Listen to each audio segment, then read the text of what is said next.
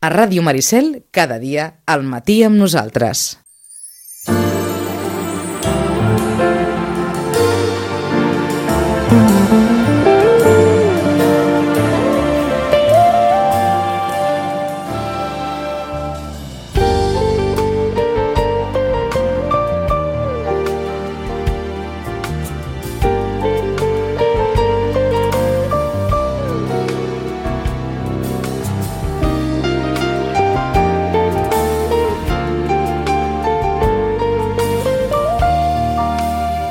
Vinga, que plou sobre mullat.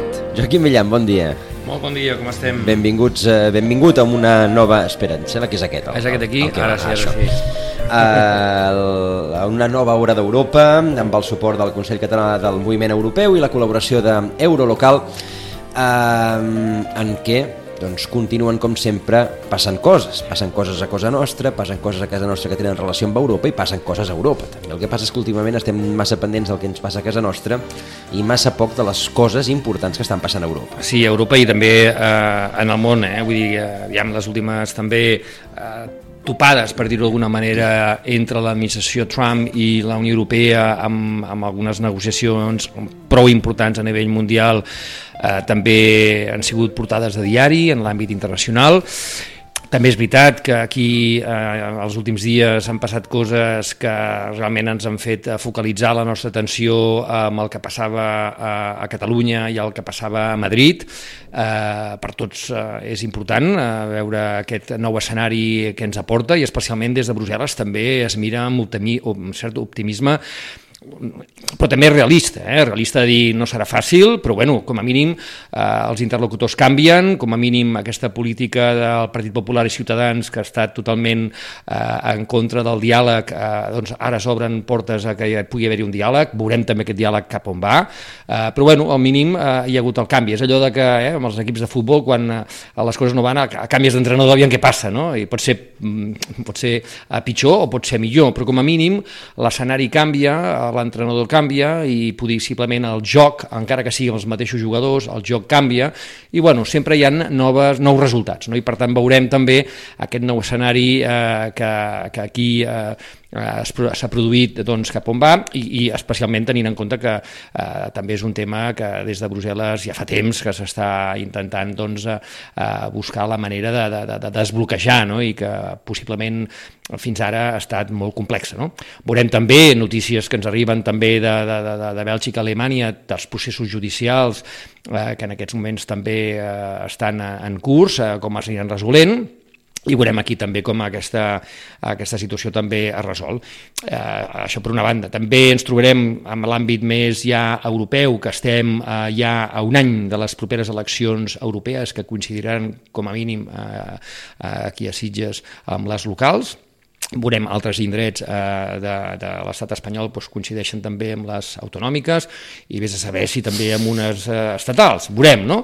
Però està clar que estem a un any d'eleccions europees, unes eleccions europees també eh, molt importants, molt importants, eh, sempre es diu que són importants, però ara estem en una, en una, en una situació que requereix que les properes eleccions europees la gent eh, tingui coneixement de què es vota.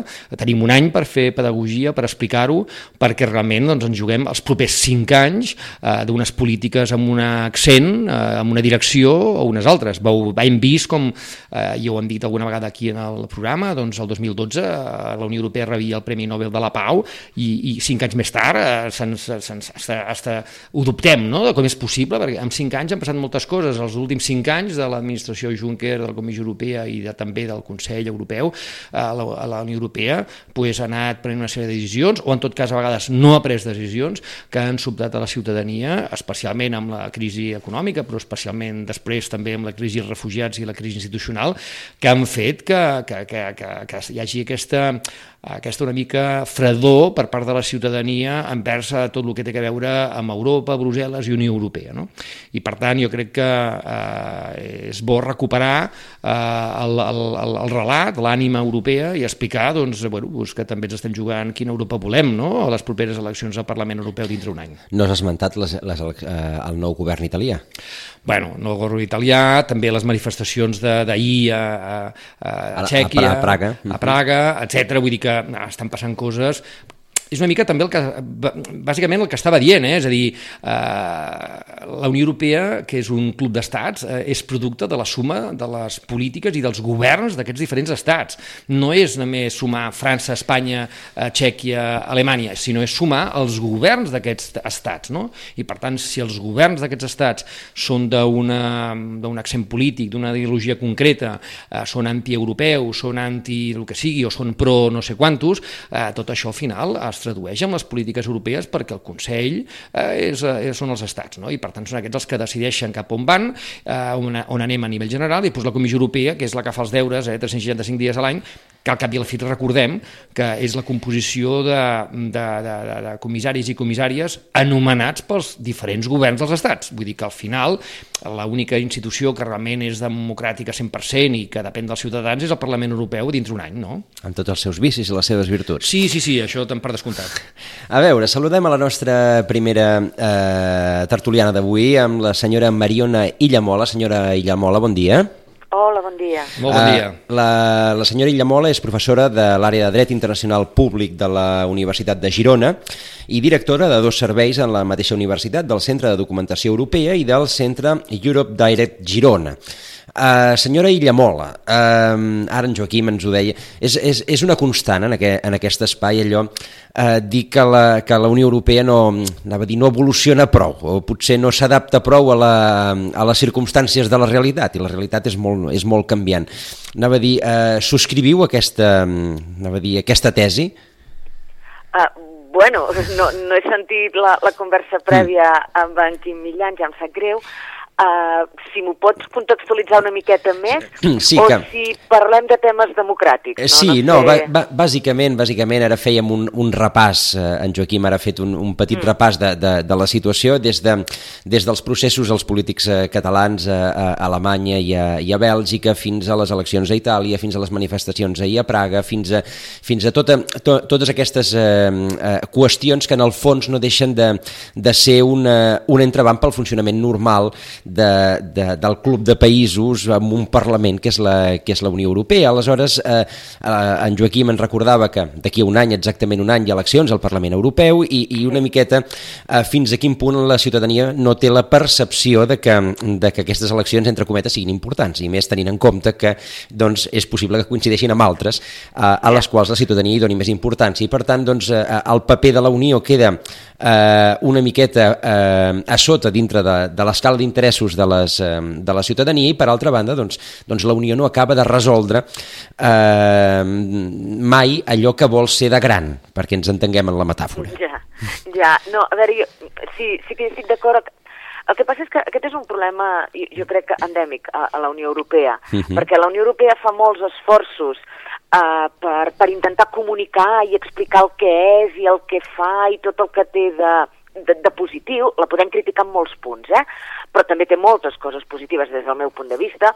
I llavors, per exemple, ara mateix s'està celebrant ahir i avui a, a Brussel·les una reunió de, de tots els centres Europa Directa a nivell de la Unió Europea. N'hi ha més de 400, no? Uh -huh. Llavors, uh, estan allà i els estan explicant com es pensa plantejar des de, des de la Comissió Europea i des del Parlament Europeu les eleccions que, que com bé dèieu, seran d'aquí un any, se suposa que coincidint no?, amb les municipals, com a mínim. Uh -huh. um, llavors, hi ha molts esforços en aquest sentit. El que passa que el missatge, jo no sé per què, no acaba d'arribar a, a, a la ciutadania.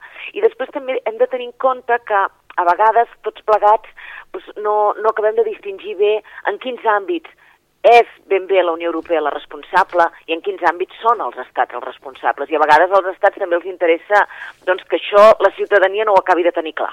I els mèrits són per, per als governants nacionals, no? pels estats, i els problemes o les obligacions que potser no ens agraden tant eh, venen de part de la Unió Europea, quan això molt no és cert, perquè indirectament hi participem.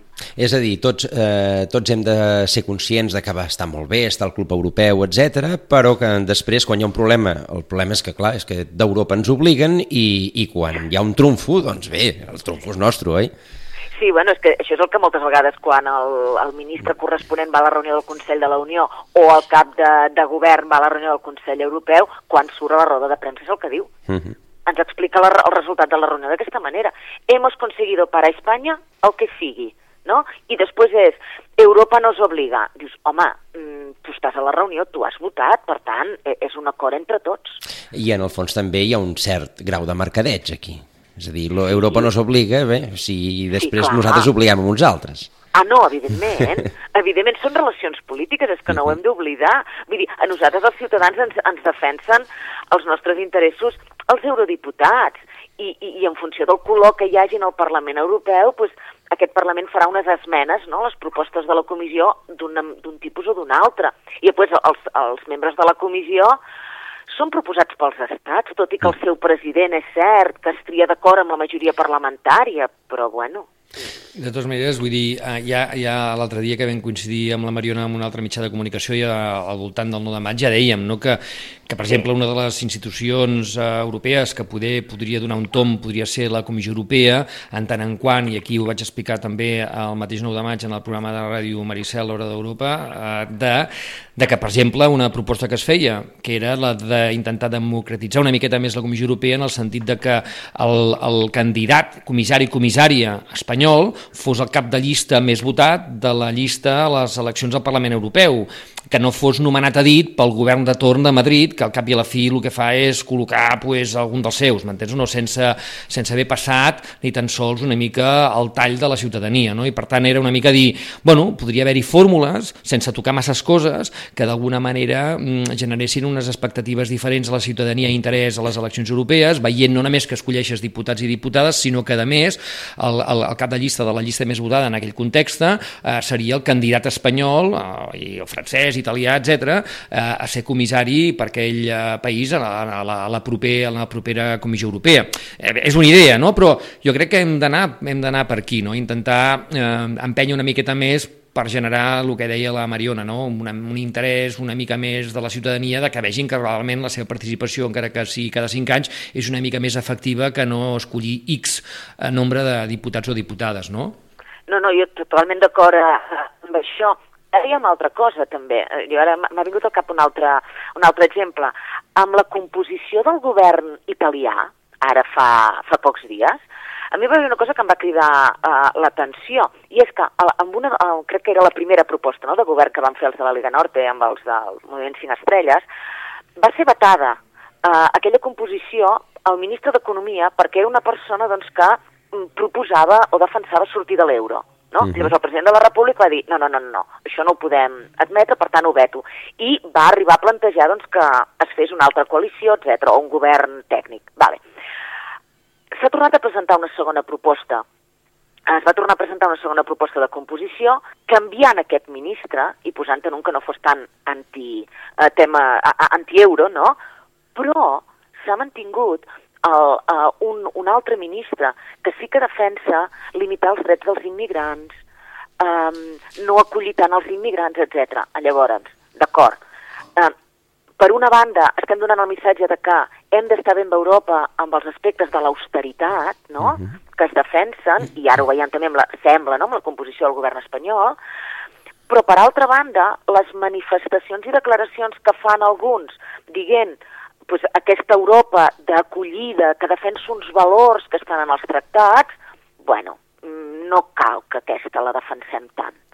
I jo crec que aquest és un missatge potent per la ciutadania, potent des del meu punt de vista en sentit negatiu, eh? eh, eh però, de però fet, clar... De, de fet, eh, senyora Illamola, el, um, hi ha un col·lateral d'aquesta informació que, que ens esmentàveu, que són les declaracions d'un comissari alemany eh, que van ser força criticades el dia, després no, després no ha passat res, però bé, van ser força criticades el dia que es van pronunciar quan, va, quan el president Mattarella va vetar en aquest ministre com a ministre d'Economia, va dir que ja se n'enteraran els italians de, de, de, de com voten els mercats. Una, va fer unes declaracions com, com bastant antidemocràtiques, per definir-ho d'una manera suau.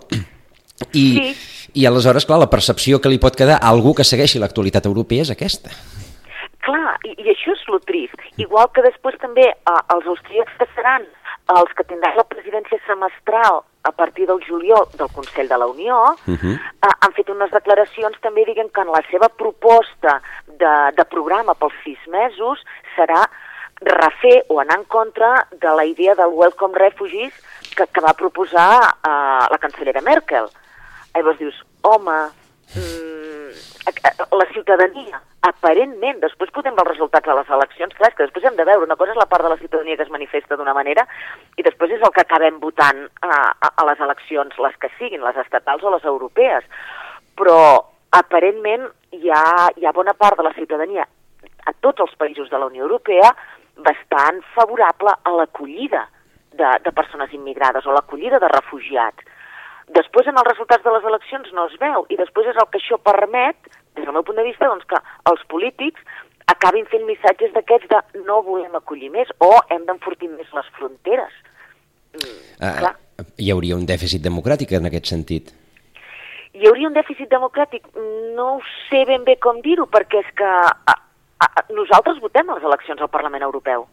Eh? I les... Hem de ser conscients del que votem i després els nostres representants en el Consell de la Unió i en el Consell Europeu són els que hem votat en el nostre país. I, i, per tant, no hi ha una democràcia tan directa, eh, evidentment, uh -huh. però hi és. No, exacte, estic de, absolutament d'acord amb el que diu la Mariona. Nosaltres, eh, però jo crec que també és, eh, aviam, eh, la càrrega també ha de ser cap a la ciutadania. La ciutadania ha de ser conscient que quan vota no és voto i dintre cinc anys ja en tornarem a parlar, sinó que quan tu votes has de saber per què estàs votant. També és veritat que hem de ser més exigents en l'àmbit um, mediàtic i polític de quan parlem d'Europa se'ns expliquin les coses, perquè és allò de, bueno, això de Brussel·les deixa'm-ho a mi perquè és molt complex, això de Brussel·les està molt lluny, tu no, no cal que ho tu pensis, a mi deixa'm... No, no, no, no. Vull dir, Brussel·les no està tan lluny, la gent ha de saber que el que es deixés a Brussel·les de manera directa o indirecta mm, li afecta quasi, quasi al seu 80% del dia a dia i, per tant, a la ciutadania també ha de ser conscient que en les properes eleccions europees, però no només perquè hi ha eleccions, vull dir, eh, ha de ser més responsable de quan parlem de Unió Europea o parlem de l'àmbit europeu de què estem parlant i també demanar eh, això que es demana, aquesta governança, transparència, eh, passar comptes, que es demana, per exemple, l'administració local com una cosa molt natural, també s'ha de fer en l'àmbit europeu, no cada cinc anys, sinó molt més sovint. A mi em consta que els diputats i diputades al Parlament Europeu, la majoria d'ells, eh, estarien agraïts de que se'ls demani a vegades que vagin arreu a explicar el que estan fent allà, perquè moltes vegades doncs, no arriba. No? I per tant, jo penso que eh, s'ha de generar, com deia la Mariona, una altra, una altra relació eh, diguéssim, político-institucional i ciutadana quan parlem de l'àmbit europeu al centre, per exemple, eh, la senyora Iñamola pues, dirigeix el centre eh, Europe Direct a Girona. Ara ja estava explicant que quasi 480 centres estan a Brussel·les durant dos dies decidint eh, les seves estratègies de comunicació, activitat i tal. Per tant, eh, és una bona eina d'arribar a la ciutadania també i es fa un esforç que a vegades la ciutadania desconeix. No? Uh -huh. Jo crec que és un esforç que hem de fer entre tots i, per exemple, no és per fer la pilota, però clar, programes com el d'avui eh, m'agradaria que, que estiguessin més, poguessin poguessin ser més sovint escoltats a l'àmbit de les ràdios locals, eh, inclús, per què no, nacionals. No? Per tant, perquè és també una manera de, no només de fer pedagogia perquè ens agrada ser europeistes, sinó per explicar el que està passant en context europeu, també s'ha d'explicar. Ja, ja, ja, afegint, afegint aquí el, el que comenta en Joaquim, una pregunta, senyora Illamola, què són els centres uh, Europe Direct? Ah, a veure, uh, és, eh, forma part d'aquesta eh, política de, comun de comunicació que, que li deia al principi que té la Comissió Europea, uh -huh. eh, que diners i aboca, això li garanteixo. El resultat jo ja no, no, no ho sé, perquè a vegades, pel que dèiem abans, de la percepció que acaba tenint la ciutadania, eh? Uh -huh. però és una xarxa eh, a nivell de tots els països de, de la Unió Europea, eh, en el que són uns centres d'informació en el que els ciutadans es poden adreçar i s'han d'adreçar, eh, els incentivem a que s'adrecin, no? i preguntin els dubtes que tinguin en relació a la Unió Europea. Tant pot ser com de com funciona la Unió Europea o jo vull anar a treballar en un altre país de la Unió Europea, jo vull anar a estudiar en un altre país de la Unió Europea, quins drets tinc eh, per poder-hi anar, quins tràmits eh, haig de fer, eh, etc. O necessito, m'interessa una documentació concreta, un document sobre la Unió que no trobo. Val? Llavors nosaltres també el que fem és es tracta de sumar esforços. Uh mhm. -huh. val? Llavors, mm, per exemple, jo li, li explicaré algunes de les iniciatives que, que duguem a terme. A Girona jo crec que hi ha una, una, una activitat molt interessant que, que fem, que és estar en contacte amb l'àrea de joventut de, dels Consells Comarcals i de la Generalitat i llavors facilitar-los doncs, formació perquè després ells facin de transmissors de totes les possibilitats, per exemple, de mobilitat per joves que ofereix la Unió Europea, des de l'Erasmus, que tothom és el que més coneix, fins a uh, programes doncs, del nou voluntariat europeu. Una altra també és anar conscienciant els ciutadans, i llavors comencem pels més petits, a les escoles. I aquí tenim els recursos educatius que en Quim Millan ens ajuda a, a arribar a, a les escoles, però no només també en els joves, sinó també en els, a la gent gran amb una nova iniciativa que nosaltres des de Girona hem començat ara, també amb la seva ajuda, anar en els centres cívics. Eh? Uh -huh.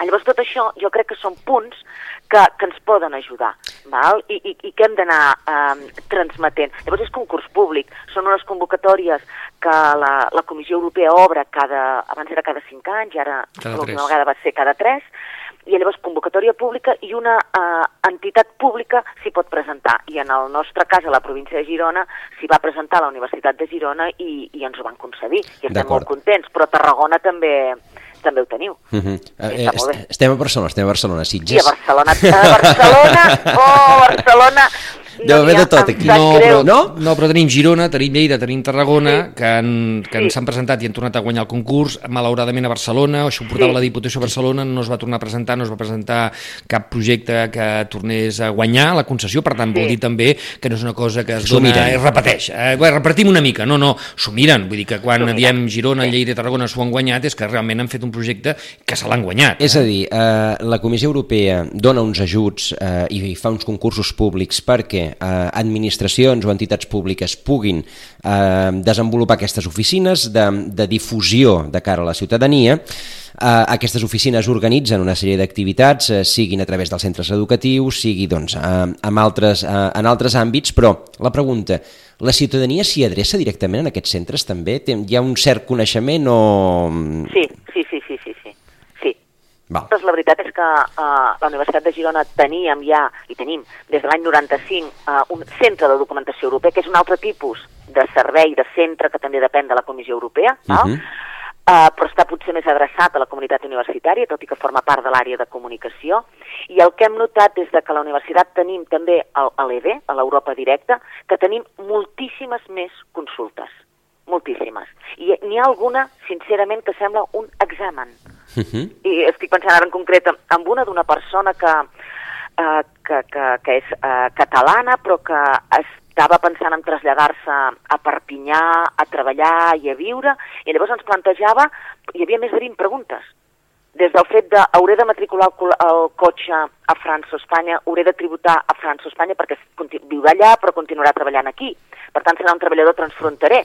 Eh? I llavors era un examen, sincerament, I, però, però molt bé, i molt agraïts de que ens arribin um, aquestes consultes. I enllaçant això amb el que es comentava abans, jo també estic d'acord que aquest tipus de programes que feu uh, vosaltres haurien de ser extensius a tots els mitjans de comunicació i no recordar Europa només quan hi ha una mala notícia o um, quan venen les eleccions, val? Uh -huh. I després una altra cosa és eh, els debats amb la ciutadania. La Comissió Europea va engegar ja fa uns anys una sèrie de debats amb la ciutadania que han anat fent la, la representació de la Comissió Europea a Barcelona és molt activa i llavors el seu director, en Ferran Tarradellas, ha anat fent debats arreu del territori de, de Catalunya amb ciutadans, amb grups, però no el format d'una gran conferència, no, no, grups reduïts. Llavors jo, jo, jo crec que el missatge pot arribar més. I seguint aquesta línia, ara s'iniciaran també una nova proposta que són els debats transfronterers. I és una nova iniciativa de la Comissió Europea que té una part molt important i és que, des del meu punt de vista, i és que seleccionarà el propi ciutadà quins punts, quins aspectes creu ell que um, li interessa que el Parlament Europeu els debati. No? I llavors, a partir d'aquí se li dirà, doncs mira, aquest tema hi haurà un expert i li aclarirà si aquest tema és competència de la Unió Europea i per tant la Unió Europea pot dir-hi i fer-hi alguna cosa o no. Uh -huh. I una vegada això estigui ben eh, detectat, l'últim debat, perquè és una sèrie de tres, i per això es vol que qui participa en el primer participi a tots tres, en l'últim debat es posaran els programes electorals de tots els partits polítics que es presentaran a les eleccions al proper a les properes eleccions al Parlament Europeu i es dirà, doncs mira, el que tu vols, el que tu planteges, tu defensa més aquest partit polític o l'altre, per veure la incidència del vot i de la nostra participació democràtica que dèiem a, eh, al principi. Llavors, jo, jo crec que això és una molt bona iniciativa, aquests debats transfronterers. Uh, per tant, doncs, uh, i la Comissió Europea està intentant fomentar aquesta, uh, aquestes iniciatives que fins i tot es puguin acabar adreçant també uh, al Parlament Europeu, tot i que doncs, uh, la ciutadania pot tenir encara aquesta visió de que, bé, que com és uh, l'administració més llunyana en aquest sentit l'administració la, la, que, que envolta la Unió doncs clar, també, és, també és com complicat arribar-hi malgrat que doncs, hi ha aquestes oficines que serveixen pel que, pel que hem entès, perquè per resoldre especialment dubtes i dubtes molt concrets, eh, com ens heu esmentat, aquesta persona que volia anar a viure a Perpinyà, doncs, eh, sobre mm, qüestions que, que puguin afectar un ciutadà que vol doncs, eh, exercir de ciutadà dintre de la, de la Unió. Més o menys la, la cosa aniria per aquí. Sí, sí, sí, sí, sí. Sí. sí. La, la comissió hi està Mm, i està molt interessada, evidentment, i està treballant. Uh -huh. Després també ja hem de tenir en compte una cosa, a vegades des d'un de, des despatx o des de Brussel·les els problemes o les situacions es poden veure d'una manera i el ciutadà eh, nosaltres les percebem d'una altra perquè les tenim més directament, no? I, I jo crec que un dels temes que, que també la ciutadania percebem és que a vegades de Brussel·les no ens venen les respostes a, a qüestions que nosaltres considerem importants, no? O a vegades els silencis que, que et venen de, de Brussel·les, que, que no s'entenen. És, és que aquí, aquí jo, jo plantejaria gairebé una, una dicotomia. Per una banda, doncs que es pot preguntar a la Unió Europea per, per qüestions particulars, repeteixo, el cas que, que ens heu exemplaritzat sí. i, que, i que és molt clar, una persona que vol anar a viure en un altre lloc i que té uns dubtes existencials sí, sí. que tindríem tots, i per una altra banda, doncs, eh, la persona que no té una relació doncs, amb la Unió o ni té cap interès especial i que, per tant, al final el que l'acaba afectant és allò que, allò que percepen els, en els mitjans que, i, i que no deixen de ser doncs, els grans problemes que, que afecten el futur de la Unió.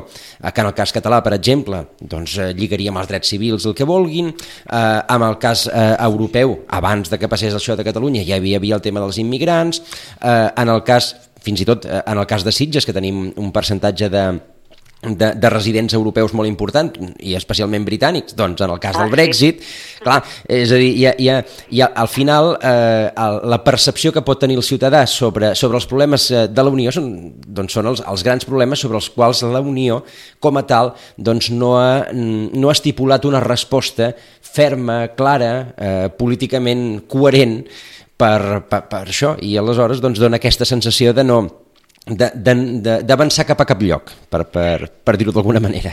Eh, sí, però amb això, a veure, eh, nosaltres tant els a Europa Directes com els centres de documentació, a banda de, de respondre a aquestes qüestions més personals, no? Uh mhm. -huh. eh, també organitzem activitats, i organitzem activitats sobre temes que nosaltres creiem que són importants per una qüestió determinada. Per exemple, vam fer una sobre el tema de l'economia circular, perquè és un tema ara mateix molt interessant i que s'està tractant moltíssim, i va participar l'eurodiputat eh, Gambús, que, que, que amb aquest tema mm, està en una comissió específica i el coneix a la perfecció, i creiem que era molt interessant per la societat i per això vam convidar, per exemple, doncs, empreses gironines que estan ja començant eh, amb tota la filosofia de l'economia circular. Hem també fet eh, jornades sobre el Brexit, que, que uh -huh. en mhm. comentaves. Val?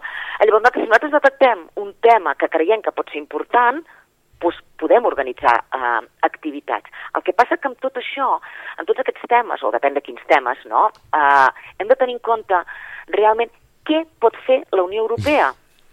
Per això jo crec que aquests debats que abans deia, no, transfronterers, poden servir per posar sobre la taula el dir, a veure, amb el tema de la immigració o el tema del, dels refugiats, la Unió Europea pot decidir ella al 100%? Per tant, el seu silenci o el deixar que persones morin en el, en el Mediterrani és realment única responsabilitat de la Unió com a tal o és dels estats? Jo crec que això és el que s'ha d'anar aclarint més a la ciutadania. Hi ha mitjans de comunicació i polítics que ho expliquen clarament i bé. N'hi ha d'altres eh, que no, val? I, i que encara confonen més. Llavors jo crec que això són temes que han de tenir molt, mm, que han de quedar clars. I, i amb el tema eh, català, mm, en alguns moments sí que, des del meu punt de vista, pots entendre i dir, o es podia entendre de dir, a veure, no m'hi poso, és un afer intern, però hi ha hagut actuacions que no, des del meu punt de vista, no, no, no responen a la idea d'afer intern, perquè hi ha hagut, segons el meu punt de vista, vulneracions dels valors de la Unió Europea. Llavors, aquí jo crec que alguna posició una mica més clara cap a alguna banda per part de la Comissió Europea hi tindria que haver sigut. I més, si tenim en compte que la Comissió Europea no la formen estats, sinó que tal com diu el tractat, són persones que, actuen que haurien d'actuar amb total independència de l'estat del que són nacionals. Um, llavors, clar. Però sí. torno al que he dit al principi. Sí so, mm, estem en relacions polítiques. Eh? Uh, uh, abso absolutament, i el senyor Janker no para de rebre premis. Uh, Exacte. Eh? Uh, ja, tothom ens ha entès, qui ens vulgui entendre. Joaquim, alguna, alguna qüestió més? Per no, la... no, agrair una vegada més a, a la Mariona que ens hagi acompanyat avui, de fet ja la volia fitxar, ja la volíem fitxar fa un parell de mesos, uh, i sobretot felicitar per la feina que fan a Girona, que realment em consta, perquè hi participo en algunes coses i amb les altres uh, ho veig, uh, doncs fan una feina molt, molt potent i bueno, esperem que que també es noti eh, durant aquest any a les eleccions doncs, que la ciutadania gironina com a mínim és més conscient del que, del que farà, eh, anirà a votar i decidirà dintre un any. Doncs, doncs eh, Mariona Ella Mola, moltíssimes gràcies per aquesta, per aquesta estoneta i a veure si d'aquesta manera doncs, podem tots difondre i com a mínim doncs, eh, fer que la percepció de la ciutadania sobre si serveix d'algú, doncs el, el monstre aquest que tenim entre Brussel·les i, i tot això doncs, serveix, serveix de més eh, eh, o, millor dit, és a dir, serveix, però la percepció que tenim del que serveix doncs, és, és limitada. Per tant, doncs, eh, si podem millorar, tot, eh, tot això serveixi. Eh, senyora Illamola, moltíssimes gràcies. Moltes gràcies a vosaltres i felicitats per, per el meravellós programa que feu. Moltes gràcies. Fins la propera, Mariona. Una abraçada. Adéu, bon dia. Igualment. Adéu.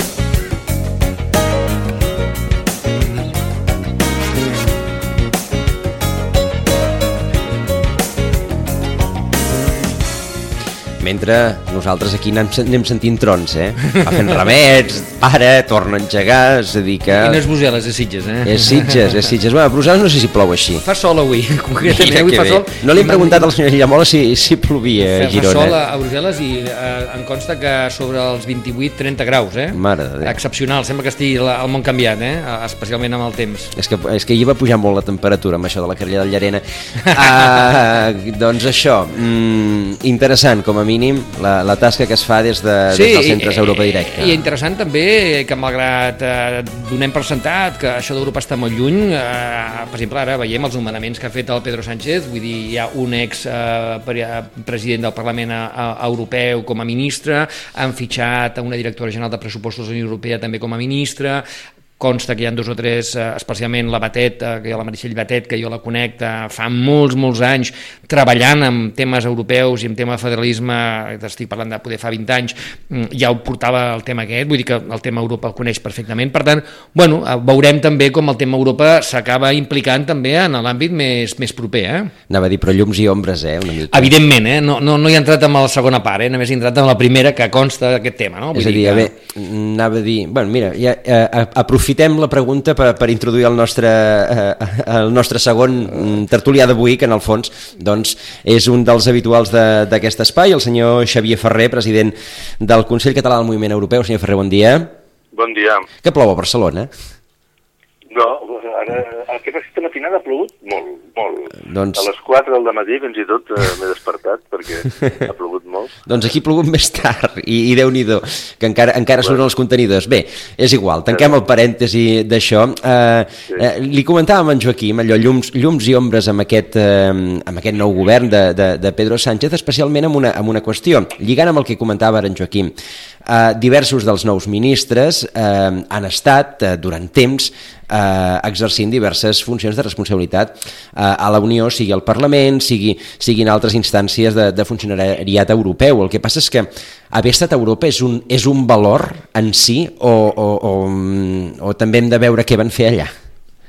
No en, en, des del punt de vista general sí que és un valor, clar que sí perquè de fet eh, és una visió més eh, global, eh, més internacional i per tant eh, aquests senyors, eh, un ha sigut pot agradar més o menys la persona en si o la seva trajectòria política, però Borrell ha sigut president del Parlament Europeu, la ministra que serà d'Economia doncs, eh, fins ara, encara avui és eh, directora general de pressupostos i d'altres han estat, doncs jo crec que és una, bueno, és una bona notícia perquè, perquè tot sovint eh, s'associava la, els polítics que estaven a Europa com, com ja que estaven a la seva última etapa i aquí doncs, eh, bueno, com és millor que tinguin una, una visió, diguem, europea, que vol dir més internacional. No, I a més la, la ministra eh, Nàdia Calviño que, que és una persona de reconegut prestigi a l'àmbit de la Comissió Europea en concret, ha fet carrera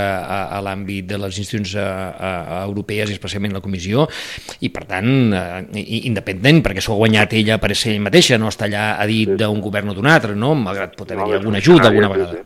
Per tant, vol dir que té reconegut prestigi, a diferència d'en Borrell, que en tot cas ha estat per, per qüestions de partit, però bueno, va, també va, va, va, com a mínim és una persona de que va ser capaç de negociar suficientment com perquè el nomenessin president del Parlament Europeu, que això no és fàcil, eh? perquè vull dir, has de saber negociar, saber mm, eh, entrar en el joc aquest de, de, molt, molt, molt, molt institucional i molt europeu, que no tothom és capaç eh, i que va lograr fer això. Eh? L'altra cosa és eh, poder altres qüestions que poder tots relacionem amb, amb, amb en Borrell, el tema, -huh. eh, bueno, doncs quan va estar a punt de competir amb la, amb l'Almúnia eh, per ser eh, presidenciable a, a, amb el unes cas, eleccions el estatals. cas dels inspectors de gent, dels, el cas de Bengoa... el tema, si el tema sí. Florència i tal. Però vull dir, per exemple, en els dos casos aquests que s'ha esmentat, tema Florència i tema inspectors d'Hisenda, com a mínim va fer una cosa que avui en dia no és habitual. Ell va dimitir.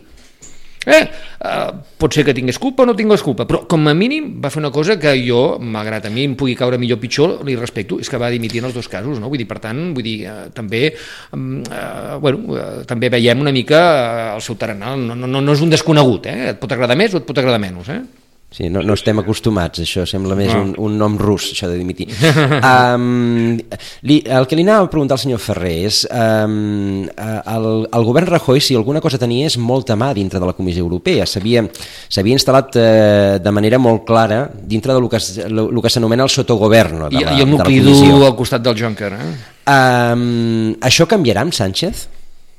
A veure, eh, el govern Rajoy tenia s- s- molta mà, no ho sé, ho, jo ho qüestiono. Vull dir, Sí? Jo crec que la, la, sí, perquè la, a veure, el, suposo que la pregunta va orientada amb, amb la relació amb tots amb els fets de Catalunya, no? O, o de, o, o, eh, jo crec que la, la Comissió Europea, amb aquests fets i amb molts altres, sempre adopta una postura com que, que no va amb ella, no? que és un tema d'afers interns i, per tant, és molt difícil que, que s'impliqui. Altra cosa és si amb despatxos i que no surt de la premsa doncs s'apreta més o menys. Jo no, no, no, no intueixo, no veig que, que aparentment canvi res respecte a la, la Unió Europea en general i la Comissió Europea com a institució respecte a la situació de, de Catalunya-Espanya. Uh -huh. eh, potser confio més en, en que hi hagi negociacions dintre de, de l'Estat i que de, de, amb aquesta visió que hem dit dels ministres amb més eh, mm, valoració europea i amb més bagatge doncs també donguin una, una, una línia més de, de buscar ponts i de solucionar democràticament el conflicte. Uh, també hi ha hagut nou govern a Itàlia i, i qüestionat nou govern a Itàlia. Sí. Bueno, i, i també des de, i, i el govern d'Itàlia que a més ha estat relacionat amb alguns accents, amb alguns estirabots, amb temes amb accent europeu, és a dir, no tan sols amb política local italiana, sinó que s'ha esbombat per, les mitja, per la premsa, doncs, a, a, a, que si a l'euro, que si poguéssim sortir de la Unió Europea, el tema refugiats, el tema tal, el tema i, qual. Eh? I afegeixo, eh, per, per, per posar més ingredients, eh, el que comentàvem abans amb la Sí, sí, sí, tertúlia sí. anterior, eh, eh, eh, la, les eh, declaracions qüestionar, qüestionades d'un comissari alemany, que aquí sí que va dir alguna cosa sobre, sobre un ministre que al final no ho va ser. Sí, a veure, eh, el, que, el que ha passat a Itàlia, a veure, no hem de perdre de vista que, que, que, que, que, que els polítics que han sortit, els diputats que, que han configurat finalment aquest govern, les majories que han configurat, eh, surten d'unes eleccions, eh? Uh -huh. I per tant, d'alguna forma, és la ciutadania que, que pel motiu que sigui, o perquè ja ha perdut la confiança amb els partits clàssics, o per lo que sigui, doncs ha donat a, a, a aquesta configuració del Parlament que eh, des d'un punt de vista quan s'analitza dius, ostres, fa com està doncs respecte perquè, perquè és allò que diríem anti, antisistema. Per tant, és lògic que d'alguna forma, primer, la Unió Europea s'hauria de plantejar, per què passa això?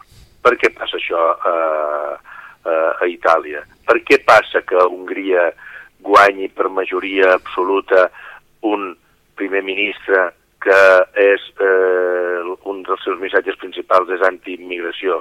Per què passa el que està passant ara a, a Txèquia? Doncs perquè d'alguna forma la, la, la, la ciutadania europea no està, diguem, estable, no està com podia estar fa 20 anys amb, amb, un, amb una velocitat de creuer que partits, el Partit Popular Europeu, amb el nom que tingués a cada país, el socialista i tal, doncs anaven governant i els liberals hi havia una certa estabilitat. Això vol dir que hi ha dintre de la societat europea un, una certa incomoditat o por o el que sigui. I això ve motivat pel tema de la immigració, pel tema també la reacció de, del Brexit, no? eh, que, que es vulgui marxar, eh, tota aquesta reforma que s'ha de fer que s'ha de fer de l'euro, i després per una cosa que, que a la meva manera de veure és, és, molt, és molt clara, que, que l'economia i la societat va molt de pressa i la política no tant. I, eh, i encara menys la Unió Europea, que, uh -huh. són, que, han de consensuar les grans d'això amb 27 o 28 estats.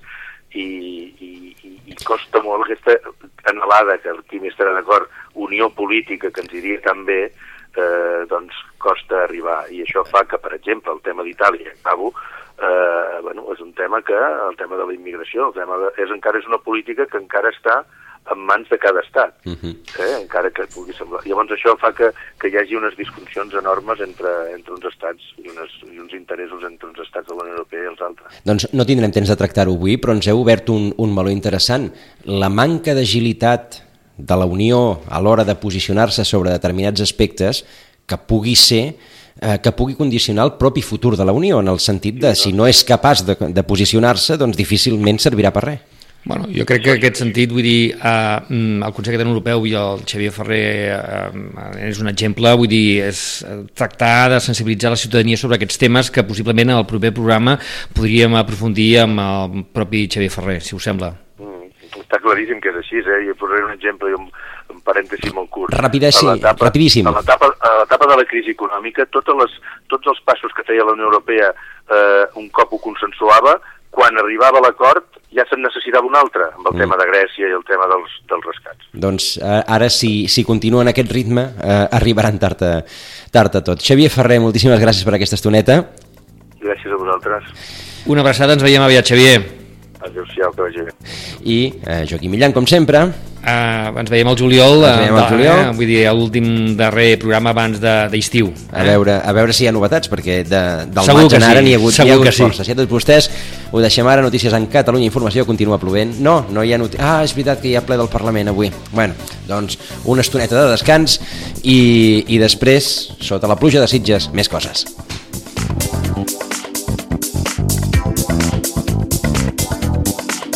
A Ràdio Maricel, cada dia, al matí amb nosaltres.